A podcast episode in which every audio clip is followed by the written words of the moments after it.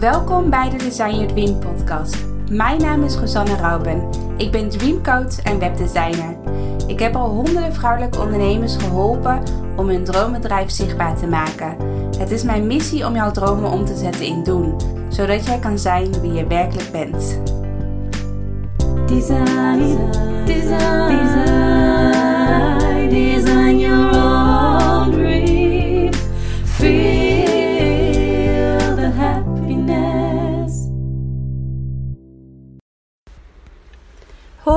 allemaal. Welkom bij een nieuwe podcast. Bij de Design Your Dream podcast. Um, Super leuk dat je weer luistert. En dit keer zit ik niet op de bank of aan de keukentafel. Maar zit ik in de auto. Wel geparkeerd uiteraard. Um, ik sta hier nu voor de uh, Van de Valk in Apeldoorn. En ik heb zo meteen een VIP-dag. Maar ik ben eigenlijk een beetje mijn huis uitgeboord. Want naast mij, uh, de buren zijn heel druk bezig met verbouwen. Dus uh, ik dacht vanochtend van ik ga vroeg opstaan. Zodat ik eerst nog een podcast kan opnemen. Maar ja, thuis lukte dat niet echt. Dus ik dacht van nou dan stap ik wel in de auto. En dan ga ik in de auto, als ik bij Van der Valk aankom, ga ik dan een podcast opnemen. Dat is in ieder geval rustiger dan uh, als ik thuis zit. Nou, het regent wel een beetje, maar volgens mij hoor je dat bijna niet. Uh, dat het regent. Maar vandaag wil ik het hebben of jouw website wel social proof is. En um, wat ik met social proof bedoel, uh, dat ga ik zo meteen uitleggen. Maar misschien ken je wel de uh, overtuigingsprincipes van Cialdini. En Cialdini schrijf je met een C. en um, sowieso heel interessant om eens te googlen. De overtuigingsprincipes van Cialdini. En dat zijn volgens mij iets van zes of zeven principes. Uh, en als jij, laat maar zeggen, bezig bent met je website maken of je hebt al een website, dan is het heel interessant om naar die uh, overtuigingsprincipes te kijken. Om te kijken of jouw website daar al aan voldoet. En een van die principes van Cialdini is uh, de sociale bewijskracht. En in het Engels is dat de social proof. Is jouw website social proof? Um, Um, en in het Nederlands is dat uh, sociale bewijskracht. En um, ik ga even een voorbeeldje noemen. Nou, ik sta hier, of ik zit hier dus al voor een hotel. En als jij dus een hotel bijvoorbeeld wil boeken omdat je op vakantie wil, of je, uh, je wil, um, je gaat naar een uh, meerdaagse seminar toe en je wil uh, graag een overnachting boeken, dan kijk je meestal naar bepaalde um, punten als je, laat me zeggen, een hotel of een Airbnb gaat boeken. En ik denk dat een van de belangrijkste punten zijn waar jij naar gaat kijken, zijn de reviews. Van als er bijvoorbeeld al meer dan duizend reviews zijn achtergelaten voor een hotel. Bijvoorbeeld als je naar booking.com gaat, is een hele goede voorbeeld. Dan zie je ook van bijvoorbeeld het hotel heeft een uh, 9,5 gekregen. En uh, vijf minuten geleden was nog de laatste boeking uh, geweest. En uh, soms kan je ook nog zien wat voor soort mensen er zijn geweest. Dus bijvoorbeeld jonge gezinnen of juist ouderen of juist uh, jongeren, et cetera. Dus, dus je kan je daar direct even plaatsen dat als bijvoorbeeld er meer dan duizend goede reviews zijn geweest, dan vertrouw jij erop dat het een goed hotel is en dan boek je het hotel. Zo doe ik dat wel altijd. Ik vind het altijd heel leuk om zelf mijn vakanties uit te kiezen. En ik ga bijna nooit naar een reisbureau. Maar eigenlijk de beste graadmeter waar ik altijd naar kijk als ik bijvoorbeeld een Airbnb boek, is dat er in ieder geval meer dan vijf goede reviews zijn. En als er dan bijvoorbeeld al één review op zit die iets minder goed is, of waarvan ik denk van, ik kan, ik kan niet zoveel uitmaken uit dit review. Bijvoorbeeld omdat de douche niet goed werkt, of omdat de harde uh, de bedden te hard zijn, dan ben ik daar al best wel kritisch op. Van ja, ik wil gewoon een goed Airbnb-huis. En als er dan bijvoorbeeld al een paar slechte reviews tussen zitten, dan begin ik al een beetje te twijfelen. Dus ik ga altijd wel voor het beste. Dus als ik alleen maar goede, lovende reviews zie, uh, bijvoorbeeld bij een Airbnb-huisje, dan, dan boek ik vanuit. Dus mijn um, ja, hoe zeg je dat? De reden dat ik ga boeken of de reden dat ik overtuigd ben, is dus door de reviews. Dus nu wil ik eigenlijk ehm, weer teruggaan naar je website. En nu moet je eens naar je website kijken. En als bijvoorbeeld potentiële klanten, potentiële bezoekers op jouw website komen. En ze willen graag met jou samenwerken. Dan is dus de sociale bewijskracht, dus die social proof van de wet van uh, Cialdini. Is dus heel erg belangrijk dat je heel veel referenties op je website hebt. Dus heel veel testimonials op je website laat zien. En je kunt verschillende soorten vormen van testimonials plaatsen. Bijvoorbeeld gewoon textueel. Het is altijd heel erg goed om er ook een foto bij te doen, zodat iemand gelijk weet hoe diegene eruit ziet. En als je een hele specifieke doelgroep hebt, kan je bijvoorbeeld ook zeggen: bijvoorbeeld, stel je voor dat, uh, ik zeg maar even wat, Laura uh, laat een testimonial achter. Dan kan je ook nog tussen haakjes erachter zetten van Laura is moeder. Uh, van uh, twee jonge kindjes bijvoorbeeld. Als jouw doelgroep bijvoorbeeld moeders met, uh, met jonge kinderen zijn. Of bijvoorbeeld ondernemer. Of als jij bijvoorbeeld als doelgroep 40-plussers hebt. Dan kan je bijvoorbeeld de leeftijd van die ondernemer er ook bijzetten. Um, dus dat is een textuele testimonial, maar je kan ook video's opnemen. Dus dat je uh, jouw, uh, bijvoorbeeld jouw droomklanten waar je heel fijn hebt mee samengewerkt, dat je die echt gaat filmen. Of dat je ze gaat interviewen. En dat je bepaalde vragen aan ze stelt. En dat je die video, laat maar zeggen, online zet op je website. En uh, wat ik ook wel een paar keer heb gedaan, is dat ik samen met een klant een podcast heb opgenomen. Dus dat ik diegene ging interviewen.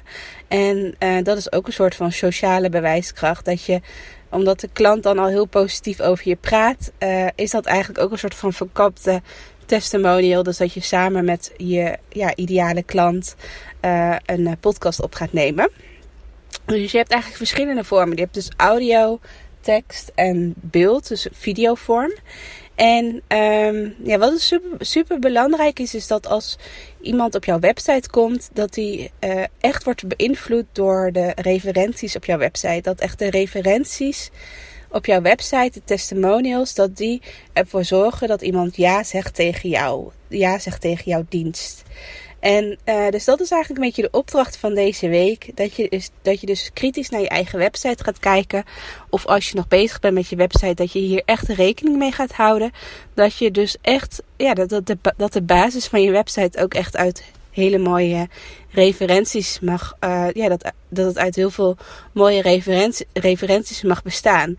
En misschien denk je wel, um, dat, eh, dat heb ik nu ook met mijn eigen website. Ik wil mijn eigen website ook weer gaan aanpassen. Dus daarom maak ik ook deze podcast. Um, maar ik dacht in het begin van, oh, er staan nu wel heel veel referenties op. Ik ga er weer even een paar van afhalen. Uh, omdat ik een beetje te veel van het goede vind. Maar ik ga ze gewoon allemaal weer plaatsen. Want ik denk juist dat hoe, hoe meer testimonials, hoe, ja, hoe beter het is voor je website. Dus voel, voel je daar niet verlegen in of bescheiden in van als ik het twee plaats is het toch goed. Dan, eh, dan, uh, dan is het toch al genoeg lieve woorden over mij gezegd, om het zo over te zeggen. Maar plaats echt zoveel mogelijk referenties op je website. En um, misschien leuk om nog een paar kleine tipjes te geven over een goede referentie. Um, ik, um, op mijn, in mijn programma heb ik echt daar een speciale bonusles over gemaakt. Over goede vragen die je moet stellen als je graag een referentie wil. Dus de vragen die je moet stellen aan jouw uh, klanten. Uh, maar ik ga even twee vragen behandelen die echt heel erg belangrijk zijn. En de eerste vraag is, dat is ook gelijk de eerste vraag die je stelt aan je klant, is van waar twijfelde jij het meest aan voordat je met mij ging samenwerken. Dus waar twijfelde je het meest aan voordat je mijn programma kocht, bijvoorbeeld? Of waar twijfelde jij het meest aan voordat jij um, met mij een coachtraject aanging? Dus dat je, laat me zeggen, dat verplaatst naar jouw dienst of product. Dus deze vraag is al heel erg belangrijk, omdat je dan um, omdat dan uh, de twijfel heel erg naar boven komt. Dus als dus een potentiële klant op jouw website is en die twijfelt nog heel erg. En diegene noemt precies dezelfde twijfel op waar diegene net op dat moment mee zit. En daarna, dus dat is, dat, dat is de eerste vraag van de testimonial. En daarna wordt het natuurlijk alleen maar positief. En dan laat diegene de resultaten zien, et cetera. Dus dan is iemand al door een referentie, door een testimonial, is iemand al echt al overtuigd om mee te doen met jouw product of dienst. En de tweede vraag is: wat is het, ja, het resultaat wat je hebt gehaald uit het programma of uit het coachtraject? En wat hier heel erg belangrijk is, is dat je eigenlijk uh, met cijfers gaat werken. Dus dat je het ook echt heel concreet maakt. Dus bijvoorbeeld, stel je voor, je hebt een website gemaakt met mijn programma. En toen je website online kwam, toen heb je gelijk een klant binnengehaald van 5000 euro. Ik noem maar even heel iets simpels. Dan kan jij dus zeggen van in de eerste week nadat ik mijn website lanceerde, had ik gelijk al een klant van 5000 euro. dat is een heel mooi re concreet resultaat. Uh, wat je dus in zo'n referentie kan zetten. Dus, uh, dus als je nog niet het gevoel hebt van hé, hey, dit is nog niet echt een concreet resultaat wat ik uit deze referentie krijg, dan kan je daar dus in doorvragen. Dat je echt zegt van kan je echt iets in cijfers noemen, een getal noemen, uh, wat het resultaat is, zodat het echt concreet is. En dan ook gelijk de derde tip die met de tweede tip te maken heeft. Um, met de, met de tweede vraag te maken heeft, is dat cijfers heel goed werken uh, in referenties. Dus in referenties, maar ook bijvoorbeeld als je een soort van uh, tellen op je website plaatst. Bijvoorbeeld zoveel klanten heb ik al geholpen, of zoveel websites heb ik al gemaakt. Of zoveel kop, kopjes koffies heb, heb ik al gedronken. Of zoveel jaar heb ik al ervaring in dit vakgebied. Um, dat werkt ook heel erg voor uh, ja, die sociale bewijskracht, voor social proof op je website. Dat mensen gelijk het gevoel hebben dat ze je vertrouwen omdat je al zoveel jaar ervaring hebt of omdat je al zoveel klanten hebt geholpen. Dus dat is ook een hele goede dat je uh, met zo'n telletje gaat werken. Uh, dus dat die teller ook steeds meer wordt. Dus als je bijvoorbeeld weer nieuwe, met nieuwe mensen gaat werken, dat je die teller steeds hoger maakt. Nou, dat was de podcast van deze week. Een hele in, informatieve podcast. En ik hoop dat je er wat mee gaat doen. En dat je dus aan de slag gaat met mooie testimonials, uh, vragen aan jouw uh, lievelingsklanten. En vergeet dan niet deze twee vragen te stellen.